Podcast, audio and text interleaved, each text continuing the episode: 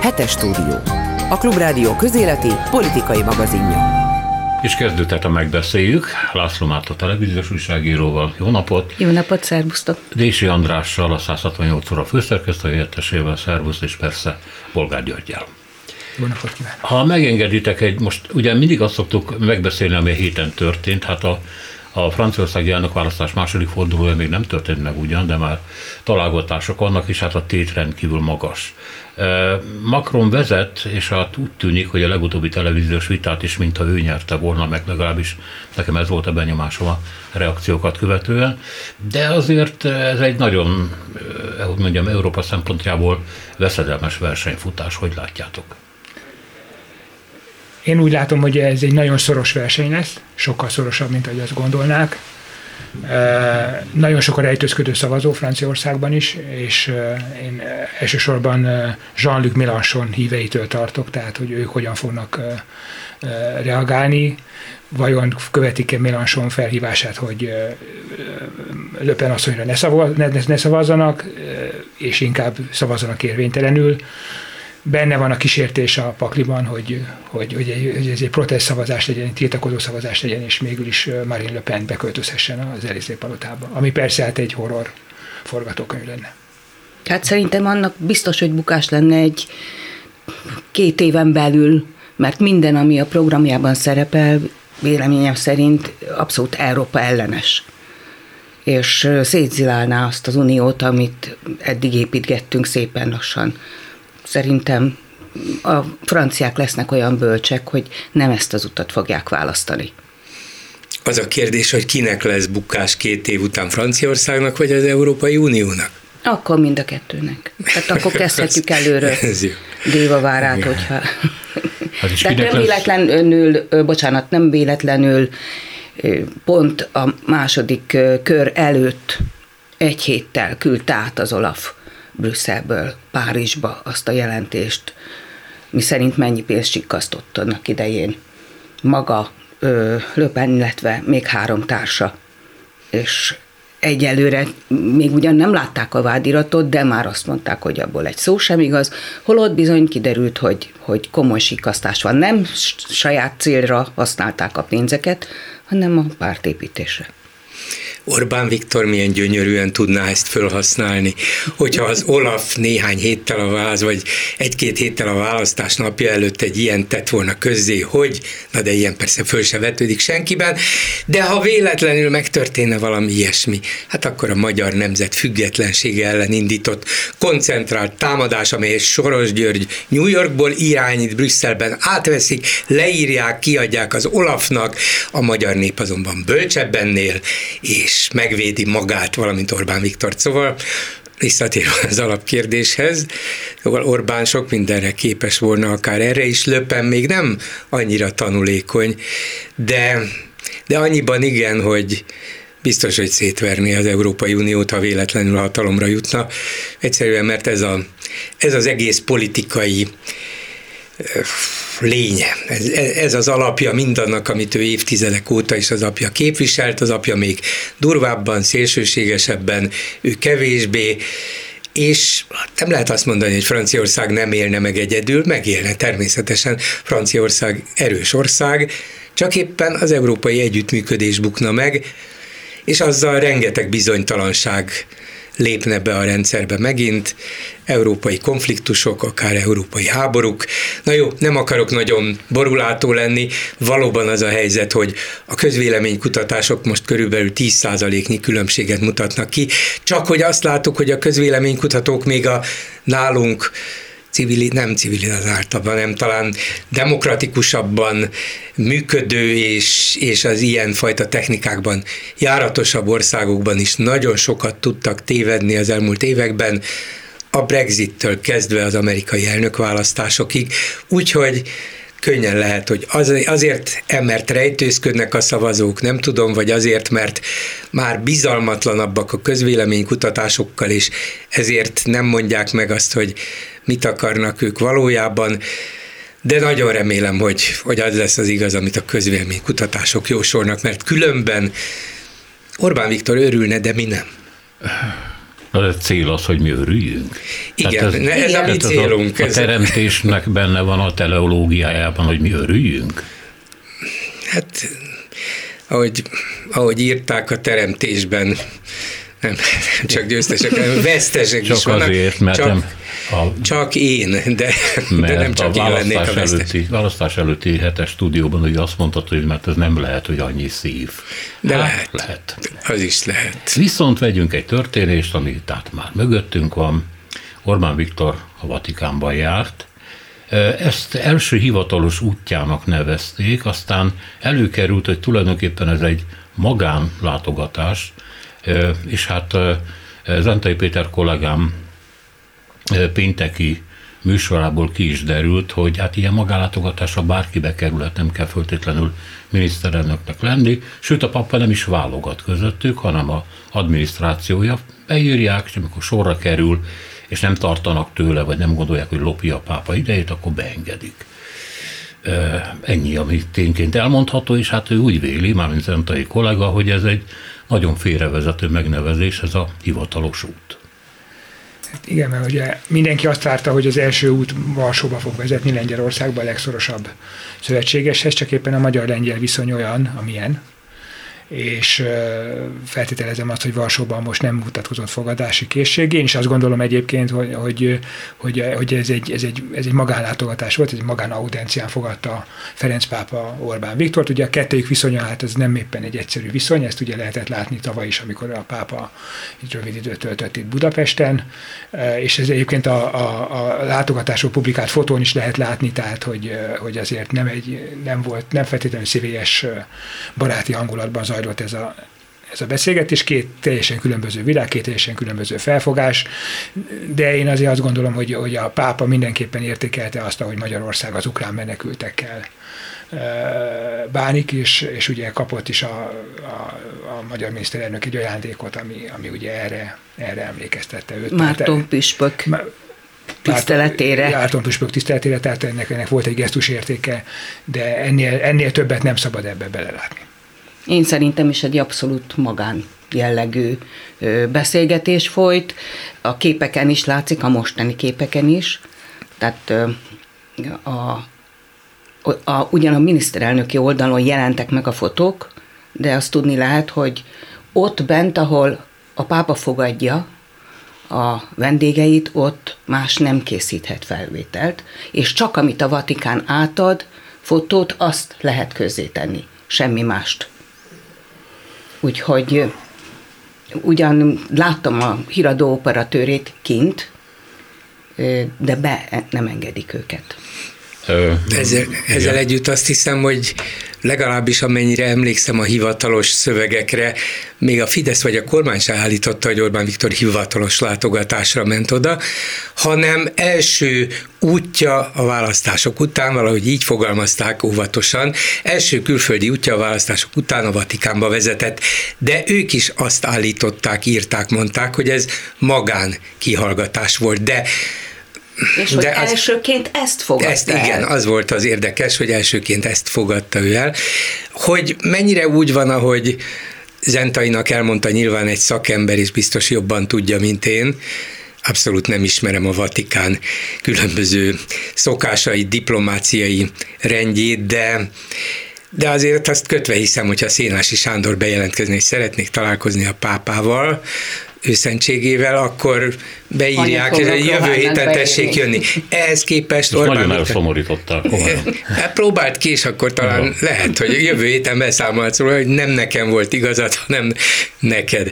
De, de az, hogy a választások után két héttel fogadja őt a pápa, ez szerintem nem a szokásos adminisztrációs rend, nem az, hogy hát végül is mi bajunk van Orbán Viktorral, van bajuk és volt baja, és tudjuk, ennek még nyilvánosan is adott hangot, hanem is közvetlenül bírálva a magyar kormányt, de közvetve nagyon is hogy mégis fogadta őt. Ennek valamiféle olyan diplomáciai, politikai háttere van, miközben a pápa nyilván közvetlenül nem politizál, amit nem tudunk. Valószínűleg nem a, az, Ukra- az Ukrajnában folyó háború és a menekült helyzet, talán abban bízik a pápa, ő végül is minden helyzetben, minden körülmények között a megbékélés, az együttműködés szószólója kell, hogy legyen, hogy itt van ez a magyar miniszterelnök, aki éveken keresztül a menekültekkel szemben lépett fel, és nagyon embertelennek és nem kereszténynek látszott. Most ragadjuk meg az alkalmat, amikor Magyarország valóban úgy viselkedik, ahogy egy háború mellett élő országnak kell, és befogad több százezer Ukrajnából érkező menekültet, vagy legalábbis beenged, aztán a többségük tovább megy, és ezt erősítsük benne, és ennek, ennek adjunk hangot, ennek adjunk valamilyen nyilvánosságot, és egy-egy mondatban a pápa ezt meg is tette. Szóval szerintem ez a fajta üzenet volt, amit ő ami, ami miatt ő úgy gondolta, hogy, bár voltak komoly nézeteltéréseink, de most érdemes ezt az alkalmat megragadni. Uniós pénzek, ugye ez folyamatosan előkerül, főleg azután, hogy hogy sikerült az országot nagyon rendesen eladósítani, olyan hitelekkel, amit sokkal alacsonyabb kamatot ajánlott föl, az a lehetőség, amit Orbán először megtagadott, aztán megint kér, tehát az ingyen pénz mellé az uniós hitelt is kéri. Nem nagyon tűnik úgy, hogy hogy az Európai Bizottság sietne ezzel, hiszen nyilvánosságra került, hogy megindul a jogállami eljárás Magyarország ellen, amire sokan azt mondják, hogy hát igen, ez egy politikai döntés, mert például Lengyelország ellen miért nem indult el? Azért, mert jobban viselkedik a ukrán krízisben. Tehát, hogy itt politikai döntések halogatják ennek a pénznek az útját biztos van benne politikai döntés is. Én azt gondolom, hogy én most azt látom az Európai Uniós politikában, francia és a német politikában is egyébként, hogy ezt a magyar-lengyel tengelyt ezt megpróbálják szétválasztani, tehát egy kicsit tehát különbözőképpen viszonyulnak Varsóhoz, másképpen viszonyulnak Varsóhoz és másképpen Budapesthez, és másképpen is viselkedik a két ország az ukrán-orosz háborúban, és ugye ez, ennek, ennek, ennek kihatásai vannak a kétoldalú viszonyra is, és én azt gondolom, hogy, hogy Varsót megpróbálják egy kicsit, hogy mondjam, a, a tracken, tehát azon ez az európai nyomvonalon, nyomvonalon, nyom, nyom, nyomvonalon tartani, és, és, és nem, nem direkt konfliktust keresni vele és, és épp ezért ez egy, ez, ez, tehát másfajta elbánásban részesül Varsó, és más, másban Budapest, és persze ez hozzájárul az is, hogy, hogy az Orbán kormány ugye ilyen cikcakokat, tehát ezt a pávatáncot játsza el ezekkel az európai hitelekkel kapcsolatban is, mint, ami, mint ahogy ugye ezt lehetett látni más, más kérdésekben is. Ugye először kell, nem kell, most, most, most megint kell, és láthatóan Brüsszelből ezt a dolgot nem sietik el. Szerintem meg egész egyszerűen üres a kassa. És már nincs kitől kölcsön kérni, mert Oroszországból már hiába kérünk, aztán kértünk Japántól egy darabig, aztán az is befulladt, mert nem fizettük időben vissza a kölcsönöket, úgyhogy akkor mentünk egy házal tovább Kínába, ott viszont mindenki mindennek megkéri az árát, így az ilyen hatalmas kölcsönöknek úgyhogy azt a továbbiakat nem akarják kifizetni, ezért aztán mégis az olcsóbb pénzhez kell fordulni, mármint úgy olcsóbb, hogy uniós pénzért kell föltenni végre megint a kezünket, és közben be kell bizonyítanunk, hogy itt aztán minden rendben van, mi úgy költjük el a pénzt, ahogy a nagykönyvben meg van írva, úgyhogy kérjük szépen. Én nem látom ennyire borulátón a dolgot, hogy üres volna kassa. Persze üres, mert óriási hiány van benne, ez nyilvánvaló és az is egyértelmű, hogy hogy kihez forduljon Orbán Viktor, most már a választást megnyerte, nyugodtan játszadozhat az Európai Unióval, nyugodtan kérhet tőlük, legfeljebb megint azt mondja, hogy látjátok, ezek politikai okokból nem adnak nekünk, de a, a dolog lényege, hogy vissza fog ez térni a maga nyomvonalára, vagy, vagy simpájájára, úgy, ahogy volt a szokásos játékokkal. Arról én nem hallottam, hogy Japánnak ne fizettük volna időben vissza valamilyen kölcsönünket, mert eddig szerintem minden magyar kormány, még a Kádár rendszerben is mindent megtett, hogy az adósságait időben lesz-e, mert annak nagyon rossz híre kell a világban, és annak komoly következményei vannak. Szerintem az elmúlt hónapokban Orbánéknak sikerült körülbelül 4-5 milliárd eurónyi kötvényt kibocsátani, vagyis kölcsönt fölvenni a nemzetközi pénzpiacokon, nem is túl rossz feltételekkel, úgyhogy én azt, azt gondolom, sőt biztos vagyok benne, hogyha holnap vagy holnap után megint valami hasonlóval próbálkoznának, akkor ez sikerülne nekik. De azt ők is látják, hogy sokkal olcsóbb pénz az, ami Brüsszelből jön, jóval kisebb kamattal, gyakorlatilag nullához közeli kamattal, már pedig a mostan nában kibontakozó gazdasági válság következtében elszabadulnak a pénzpiacok is, szóval, tehát egyre drágább lesz mindenhonnét pénzt kérni, hát nem a legegyszerűbb az, hogy vegyünk fel gyakorlatilag ingyen kölcsönt az Európai Uniótól, illetve adja oda azt, ami, ami nem is hitel, hanem közvetlenül jár ebből az újjáépítési alapból közvetlen támogatásként. Úgyhogy eh, szerintem az, hogy az Európai Unió, mert ez a dolog másik része, elkezdi a jogállamisági eljárás, de azért még mindig nem biztos, hogy megfosztja-e az Orbán kormányt a, ezektől a pénzektől, vagy csak részben bünteti meg, egy részét tartja vissza, mikor tartja vissza, mennyit. Eh, nem létezik, hogy, hogy Orbánékat teljesen eltávolítsák az Európai Uniótól. Ez nem létezik, hogy ne kapjuk meg alapjaiban nem a költségvetés, a költségvetés szerint nekünk járó pénzt, az összes többivel majd el fognak bíbelődni, veszekedni fognak, Orbánék engedményeket tesznek, lehet, hogy bizonyos pénzeket visszatartanak, de alapvetően az Európai Unió meg akarja tartani még ezt az unió ellenes Magyarországot is, az unió soraiban, mert nem engedheti meg magának, hogy ki, kilépjünk belőle. Nem, ez, ez lehetetlen. Ukrajna. Mariupol polgármester már korábban is beszélt arról, hogy az oroszok irdatlan hosszú tömegsírokat ásnak, most ezt műholdakkal sikerült igazolni. Egy Mariupol mellett levő falu határában találtak tömegsírokat, 30 méter hosszúak, vagy bocsánat, 30 méter szélesek, csak szélesek ezek a tömegsírok százával vagy talán ezrével dobálták bele az embereket. A másik ukrajnai hír, hogy ugye azt korábban is tudtuk, hogy visznek el ukránokat Szibériába, Oroszországba. És most Oroszország egy törvényel készül arra, hogy elvitt, elhurcolt ukrán gyerekeket orosz családok fogadhassanak örökben. Szörnyű. Erre csak ezt tudom mondani elsőre mert megrázó, én magam is vettem gyerekeknek, Ukrajnából érkezett gyerekeknek az utca összefogott, hogy ágyat hogy itt le tudjanak feküdni. Egy másik családnak én magam segítettem lakást keresni. Mindegyik történet egy, egy, egy tragédia, az egész. És ha már a pápával kezdtük ezt az egész beszélgetést, hagyd térjek vissza, hogy éppen ma jelentette be a, maga a pápa hogy libanoni látogatását nem fogják meghosszabbítani, holott eredetileg úgy volt, hogy ott fog találkozni az orosz pátriárkával.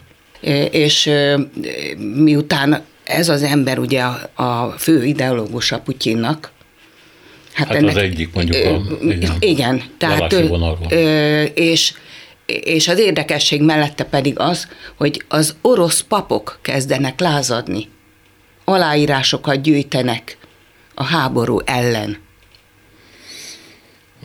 Igen, a Bloomberg közölt egy olyan hírt, hogy állítólag egy ilyen 10-12 fős kemény mag alakult a Kremlben, amelyik megpróbálja Putyint lebeszélni a háború folytatásáról. Neve egyiknek sincs, tehát nem adták ki, de eh, hát azért gondolom, hogy a Bloomberg van annyira komoly hírügynökség, hogy ilyen csak ha csak találgatásról van szó, akkor nem adja ki ezt, tehát mintha valami készülne, de hozzáteszik, hogy ez egyébként semmiben nem fogja befolyásolni a Putyin döntéseit. Hát valami eredményt akar fölmutatni. És ugye május 9-ét mondták, mint, mint döntő pillanatot, de én ebben nem hiszek. Egy katonai szakértővel beszéltem, ők sem hisznek benne. Igen.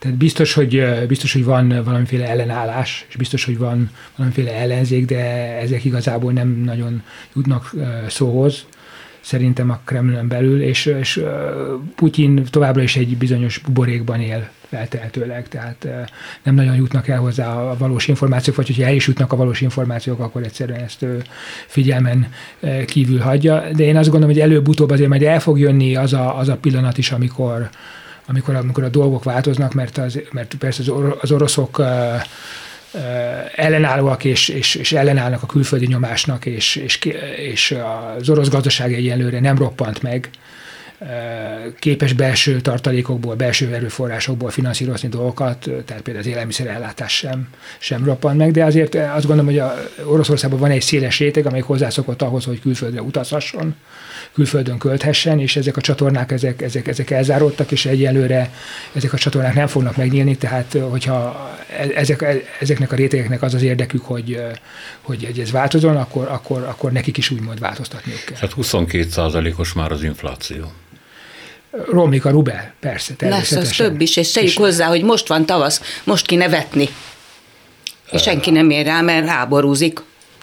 De szerintem az, hogy nem látszik a háború vége, hogy minden nap kiderül egy-egy újabb szörnyűség. És minden áldott nappal, ami, ami meghosszabbítja ezt a borzasztó háborút, nehezebbé válik az, hogy a világ visszatérjen egy normális kerékvágásba. Oroszország gyakorlatilag 24 óránként hónapokkal, vagy hetekkel, hónapokkal hosszabbítja meg a saját számkivetettségét. Oroszországgal nem lehet ezek után úgy bánni, úgy kezelni őket a nemzetközi diplomáciában, a politika világában, hogy jó, hát volt ez a kis ballépés, egy két hónapos háború Ukrajnában, szörnyűségekkel, de hát tudjuk, a háború szörnyű dolog, és hát vitatjuk is az egésznek a jogosságát, hát nem kellett volna, nem lett volna szabad, de tegyünk úgy, mintha Hát borítsunk fájtlat az egészre, jobb, ha közösen elfelejtjük, mert szükségünk van az olajotokra, a gázotokra, meg egyáltalán hát nagy hatalom vagytok, úgyhogy gyertek vissza a körünkbe. Ez majd lehetséges lesz, de hogy nem jövőre, nem két év múlva, valószínűleg nem is öt év múlva, és ahogy megyünk tovább előre az időben, úgy tolódik ez ki. Mikor majd tíz év múlva? Milyen kölcsönös engedmények árán? Magyarán gazdasági, politikai, diplomáciai, világrendbeli megrázkódtatások sora jön amiatt, hogy Putyin ezt elkezdte, és valószínűleg a legsúlyosabb következmények Oroszországban következnek be, de mindannyian érezni fogjuk. E, újra kezdődtek a találgatások Putyin egészségi állapotáról legutóbb közölt fotó, illetve videófelvétel miatt, ahol a védelmi miniszterének ad parancsot, hogy ne menjenek be Mariupol kazamatáiba, mert ugye az a tuti halál.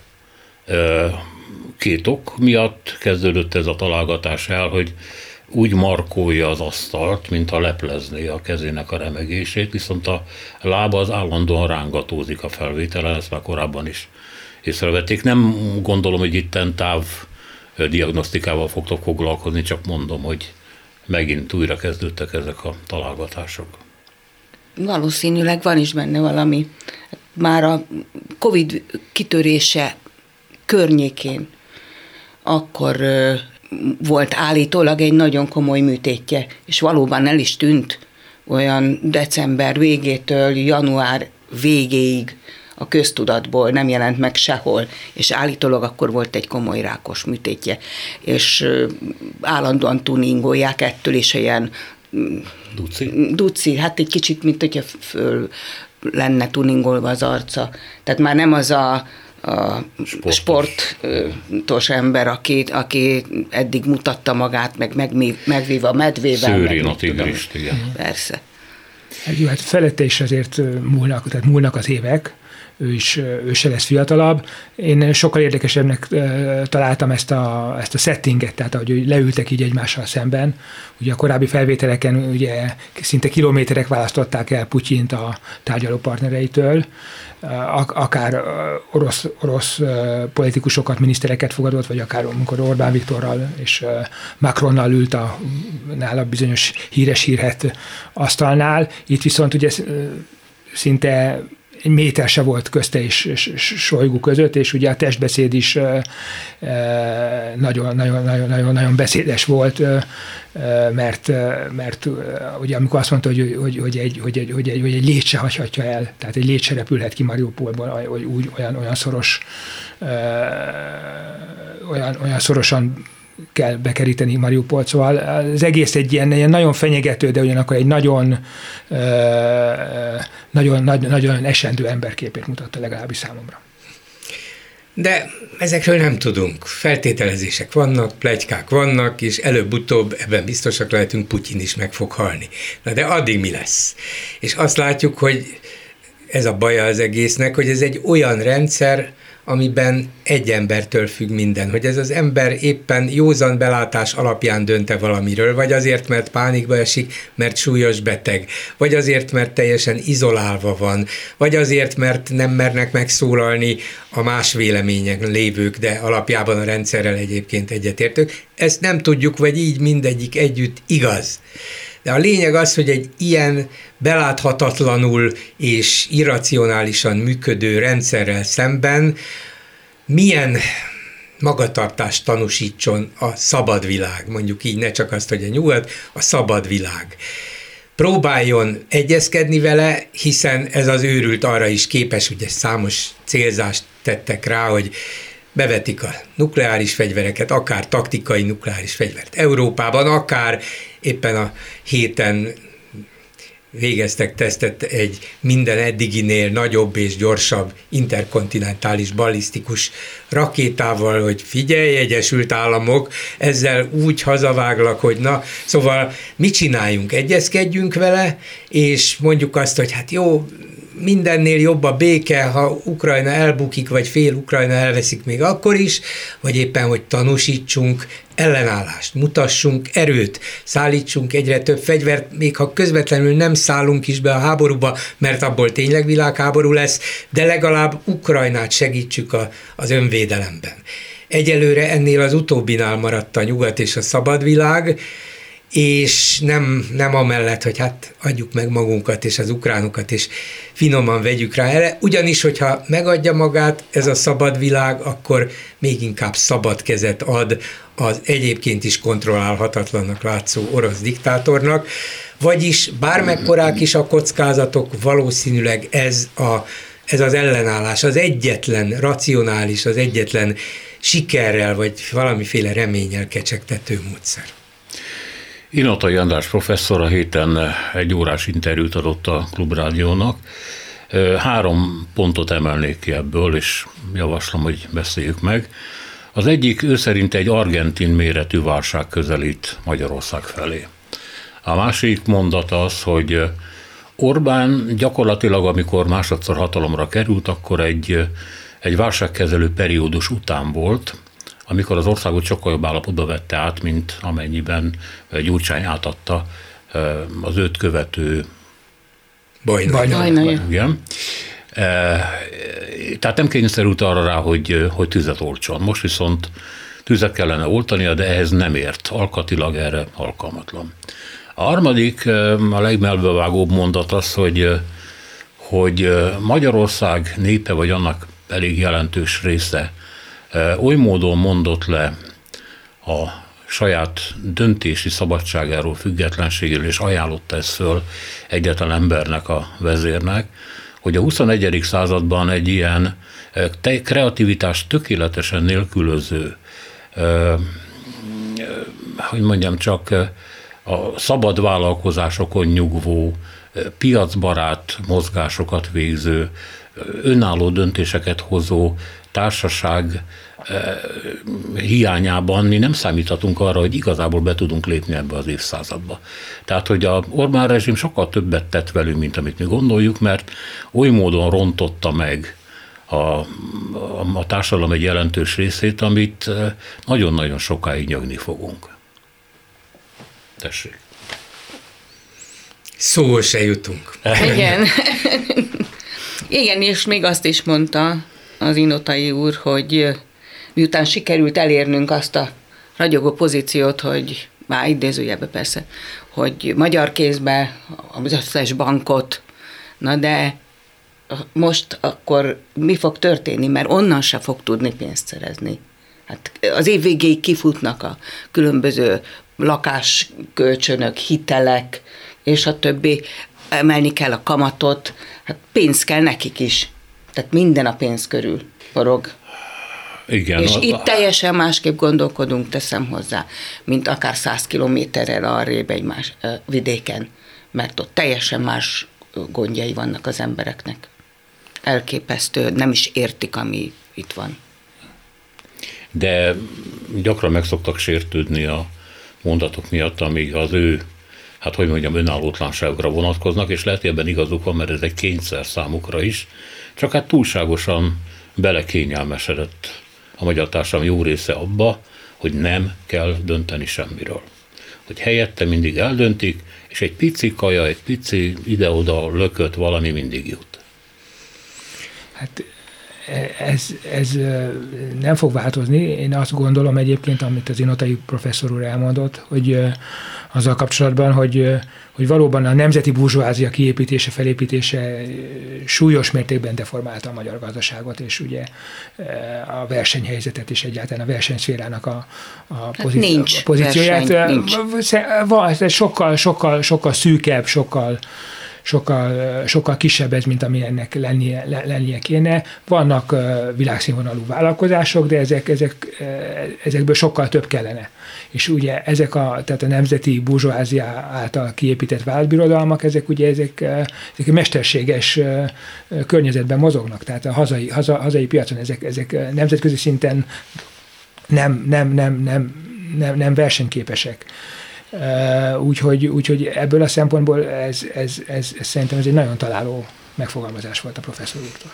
Én is egy nagy pessimista vagyok, nem csak Inotai András, de ezúttal azt gondolom, hogy talán nem ennyire drámai a helyzet, vagy legalábbis bízzunk abban, hogy nem ennyire. Egyrészt azért, mert Argentinával ellentétben mi hozzátartozunk egy olyan ha nem is mondanám, hogy kifejezetten dinamikusan fejlődő, de azért alapvetően mégiscsak prosperáló Nyugat-Európához, az Európai Unióhoz, amelyik eddig is képes volt segíteni, 2008-2009-ben is segített a magyar gazdaságnak, azóta pedig óriási évi támogatásokkal löki meg a magyar gazdaság növekedését. Ez, ha csak löpen szét nem veri az Európai Uniót, továbbra is működni fog. Tehát nem nem hagynak minket az út szélén, ez az egyik. A másik, hogy Orbán ugyan borzasztó irányba vitte el a magyar nem annyira a gazdaságot, hát azt is, csak az nem annyira érzékelhető, mert tulajdonképpen bizonyos szempontból, vagy egy bizonyos szinten fölül, mindegy, hogy Mészáros Lőrincnek hívják a, a dollármilliárdost, vagy Kovács Józsefnek, vagy akárki másnak.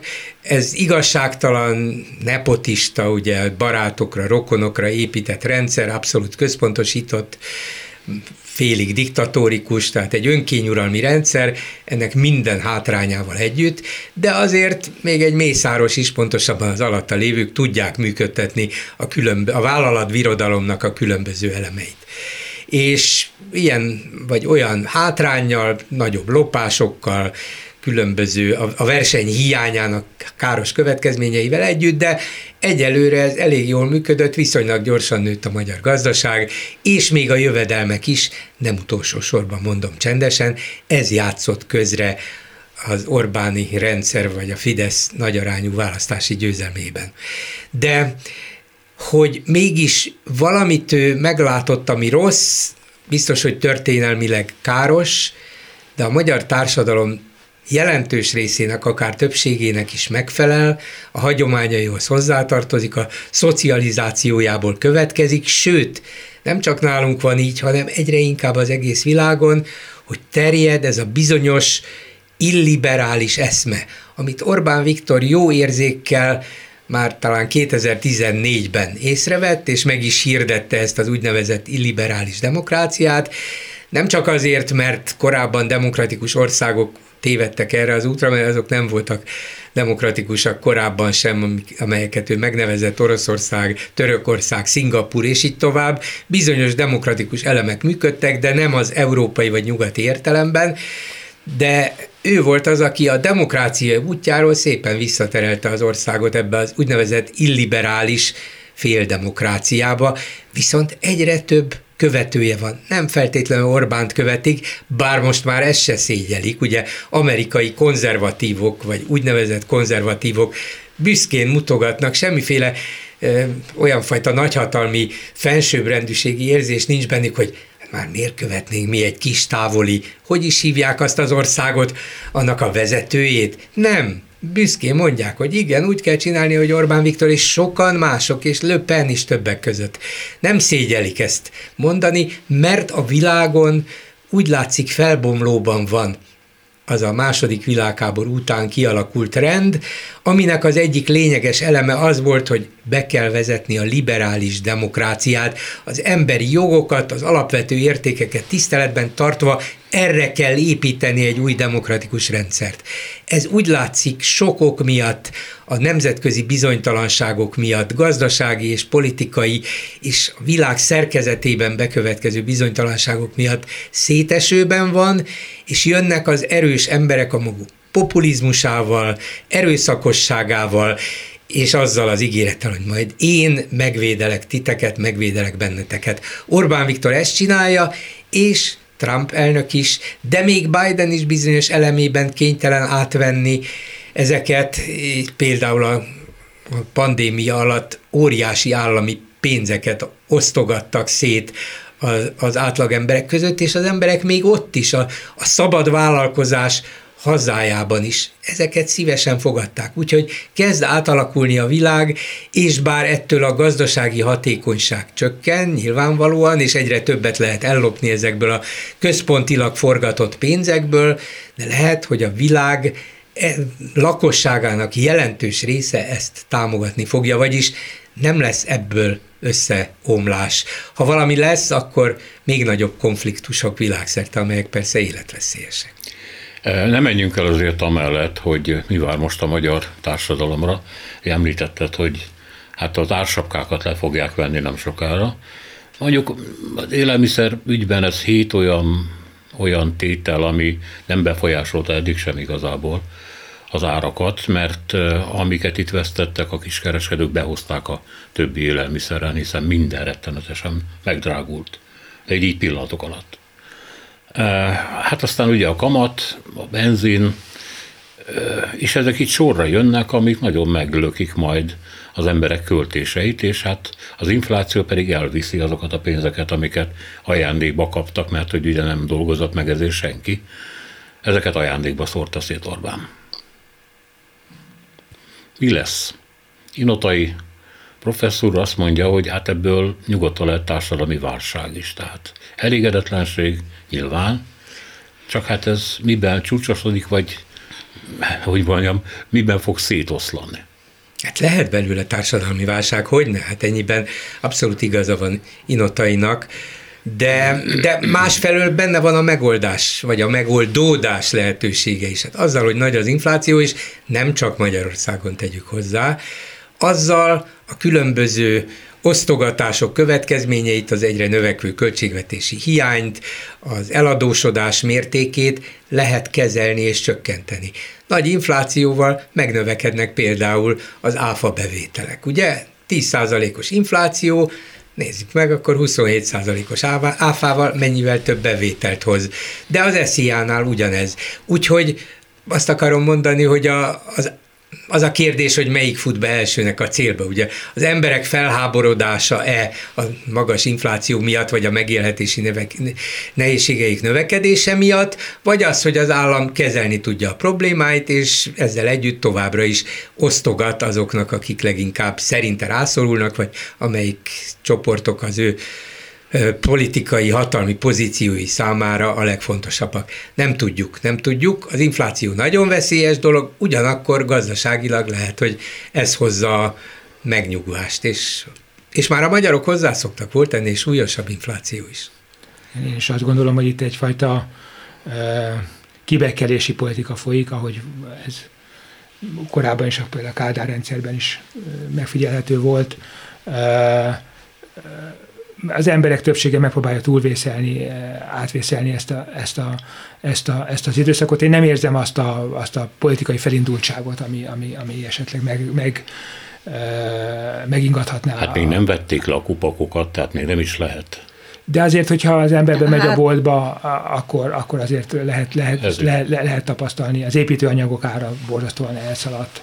Szóval tehát, tehát, tehát ez, ez, a, ez, a, ez a hétköznapokban érződik, de az emberek ezt, ezt továbbra is lenyelik, illetve a különböző vállalkozások, vállalkozók ezt átterhelik a, a, az, az ügyfeleikre, és mondom, én, én, én nem érzem azt a, egyelőre azt a, azt, azt a politikai elégedetlenséget, ami, ami, ami esetleg egyfajta, egyfajta felkelésbe vagy, vagy, vagy, vagy, vagy utcai demonstrációkba torkolna. Hm, érdekes, hogy, hogy évek óta azt mondjuk, hogy nem tudjuk, hogy mikor lesz az a szikra, ami elindul és, és elsöpri ezt a, ezt a rendszert, ami most működik. És sose történt semmi. És meghalt 46 ezer ember Covid-ban, és nem tűnt föl. Hát az sem tűnt föl a magyar társadalomnak, hogy az állam nem rendelte még csak egy gyásznapot sem az ő emlékükre, holott ennyi áldozatot meg szoktak hát az síratni. legkevesebb az lett volna, igen. Persze, de, de arról van szó, hogy most választották újra ezt a, ezt a kormányt, ezt a kormányzó pártot, mert az emberek úgy szavaztak, vagy úgy érezték, hogy ők elégedettek.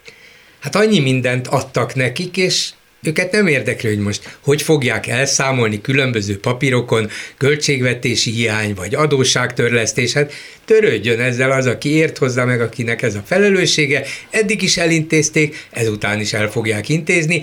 Nekem jobb, mint ezelőtt négy évvel, jobb. Úgyhogy áldásomat adom Orbán Viktorra, hogy ezt örökké nem lehet föntartani, az biztos, de az a kérdés, hogy lehet-e menedzselni úgy, hogy az emberek jelentős része ne nagyon háborodjon föl ezen. Volt ilyen időszak is az Orbán érában is, amikor nagyon rosszul álltak a dolgok, és gazdaságilag rosszul álltak, és rosszabbul is éltek az emberek, és akkor hirtelen bejött ezzel a rezsicsökkentéssel, ami akkor egyrészt meghökkentő volt, olyan a régi szocialista érát idézte, hogy ezzel jön, hát, tehát hogy lehet ezt megcsinálni? Meg lehetett és fönn lehet tartani most már több mint tíz éve, és az emberek pedig meghálálták. És úgy látszik, hogy egyre inkább és egyre több országban veszik úgy, hogy hát az állam segítsen, az államnak van a legtöbb pénze.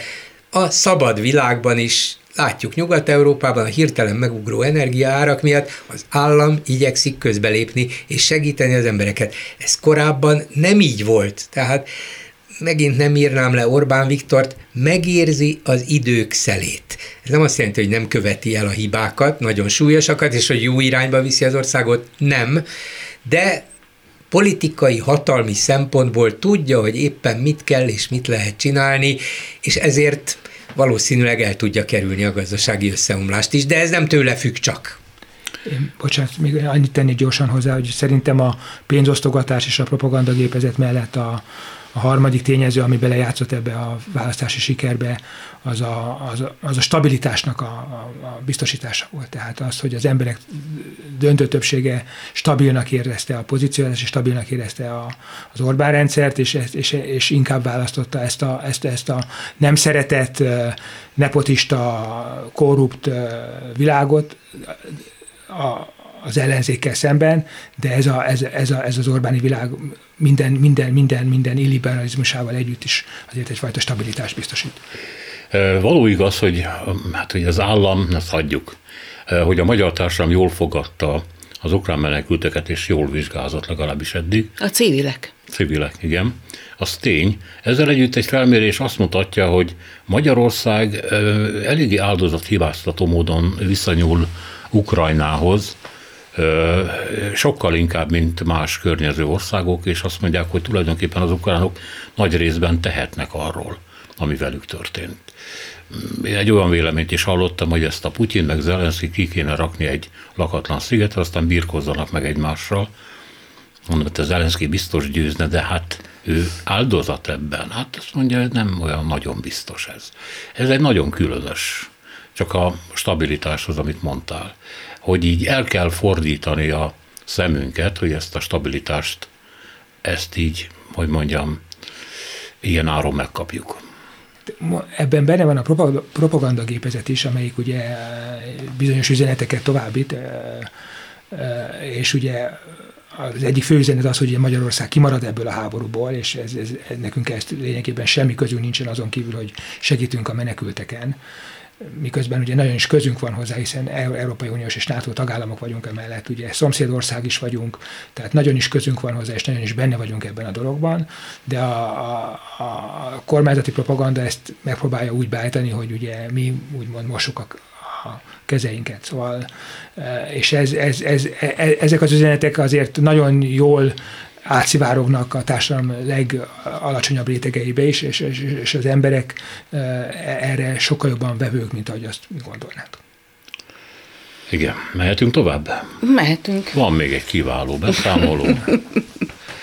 Azt mondja, hogy Elsimon László megdöbbent, ő az édesanyja vérnyomás problémákkal küzd más betegségekkel is, de a házi orvos nem fogadta, és Elsimó László, egyébként a Magyar Nemzeti Bank főigazgatója. Nem, nem, múzeum. Nemzeti Múzeum. múzeum. Bankot. Szegény Matolcsi úr, bocsánatot kérek. A klubrádióban leváltották Matolcsi Györgyit. jó, jó. Tehát Magyar Nemzeti Múzeum. Egyébként miért kell, ezt én sose értettem, ha valami magyar, miért kell hozzátenni, hogy nemzeti? Azt mondjuk, hogy nemzeti, miért kell hozzátenni, hogy magyar? Hát ez, Mi a, más lenne? Ez, ez a ráerősítése, hogy a széjártóék is mindent kétszer mondanak el. Nem, ez régen is így volt. Régen is így volt, az a kádárkorszakban is így volt. Ez valami, valami rettenetes túlzás önmagunkkal kapcsolatban, nem, hogy mi duplán vagyunk. Igen, mi kétszer annyit érünk. Igen, igen, igen. Igen, jó. Rendben van, tehát ő ezt megírta a közösségi médiában, és hát ugye fölrobbant a net, ahogy mondani szokták ezzel a közhelyjel, és a kommenterek, kommentálóknak a százai üdvözölték a magyar valóságban a főigazgató urat. Sőt, ezrei. Sőt, ezrei. ezrei. Ami után ő gyorsan lekapta ezt a e, posztját, de hát ugye a net nem felej, tehát ez bármikor nyugodtan meg lehet találni. Hát tessék. Csak az az érdekesség még benne, hogy a Facebook oldalán azért üzengetett, mert ő éppen távol volt a hazától, tehát nem tudta intézni. Hóna alá venni az édesanyját, bekísérni, ahova kell, mert messze volt, és aztán érdekes módon még a Disneylandben tett látogatásáról is tudósította a követőit. Szóval... Igen. Fotózott, igen. igen. Úgyhogy hát egyfelől kétségbe esünk a magyar egészségügy borzasztó állapota miatt, rácsodálkozunk erre, másrészt meg hát azért én itt vagyok Disneylandben. Nem, mintha politikusként, vagy volt politikusként nem érezte volna, hogy a két dolog azért talán nem, nem olyan könnyen összepasszítható, hogy ne tegyük rögtön egymás mellé a kettőt. De nem tört még ki belőle soha a gyerek, mert ő azt írta oda, hogy De. és itt vagyok. Mint a gyerek azt mondja, itt Igen. vagyok, és az ott mi kiegér? Tényleg. Ha? Hát, neki ez volt a találkozása ezzel a világgal, ez élet első. Kicsit tegyük, későn, de valamikor hozzá, el kell hogy, hogy ő volt az a kormány megbízott, aki annak idején a villamosművek embereivel kiment Paks környékére, hogy a környező falvak embereit meggyőzzék arról, hogy Paks 2-t már pedig meg kell építeni. Aha. És azok a mérnökök, akik elkísérték, azok majdnem mind lemondott, vagy elment, vagy nyugd, azon a nyugdíjba ment, mert azt mondták, hogy ez nem lehet, amit ő ott mond, tehát, hogy, hogy ne ússzon itt a hal, mert mert egy kicsit melegebb a víz, hát úszom máshol. Tehát ilyen, ezekkel az érvekkel Azért oda menni hogy A, a falvakba, és azt mondták, hogy na ők ebben nem akarnak részt venni. Nekem egyetlen egy óriási élményem van, ezt soha nem felejtem el neki. Köszönöm. Amikor Elsimon László azt mondta, hogy itt van az a parti Nagy Lajos, hát elég közepes, baja, problémája van a nyelvvel. És akkor hogy azt mondtam, hogy Istenem, de szörnyű lehet középszerűnek lenni. Nem? Ez borzasztó kín, gondolj bele. Itt kínlódás, van ez a parti nagy. Valamit mondani kell rá, de ötször jobb, mint te, vagy tízszer. De miért kell mondani rá, ha mondjuk nem akarja elismerni a a tehetségét vagy a képességeit. Nem kell. Egy politikus nem attól lesz politikus, hogy mindig mindenről, mindenkiről véleménye van.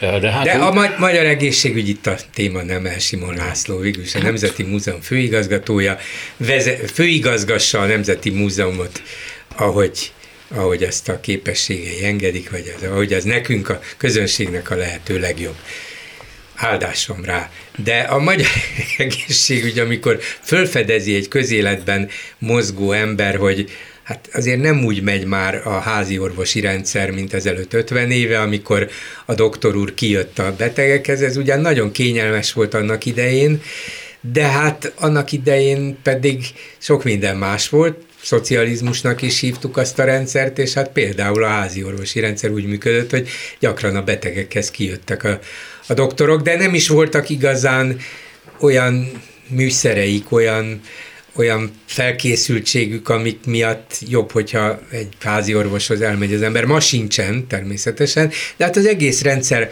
máshogyan működik, más feltételekkel, erre hirtelen rácsodálkozni lehet, csak akkor azt kell mondani, hogy én, mint a, aki a Fidesznek hosszú ideig képviselője, sőt államtitkára voltam, úgy gondolom, hogy ez nincs rendjén, ezért javasolni fogom a barátaimnak, politikai társaimnak, hogy úgy alakítsák át az egészségügyet, hogy például a házi orvosi rendszer az sokkal emberbaráti módon tudjon működni. Ehhez adjanak pénzt, paripát, fegyvert, megfelelő személyzetet, és látogassák meg a beteg édesanyámat. Körülbelül ezt kellene mondani. Köszönöm szépen. Itt a vége, ez volt a megbeszéljük. Köszönöm László Márta tévés újságírónak, Tési Andrásnak, a 168 óra főszerkesztőjeltesének és Bolgár Györgynek.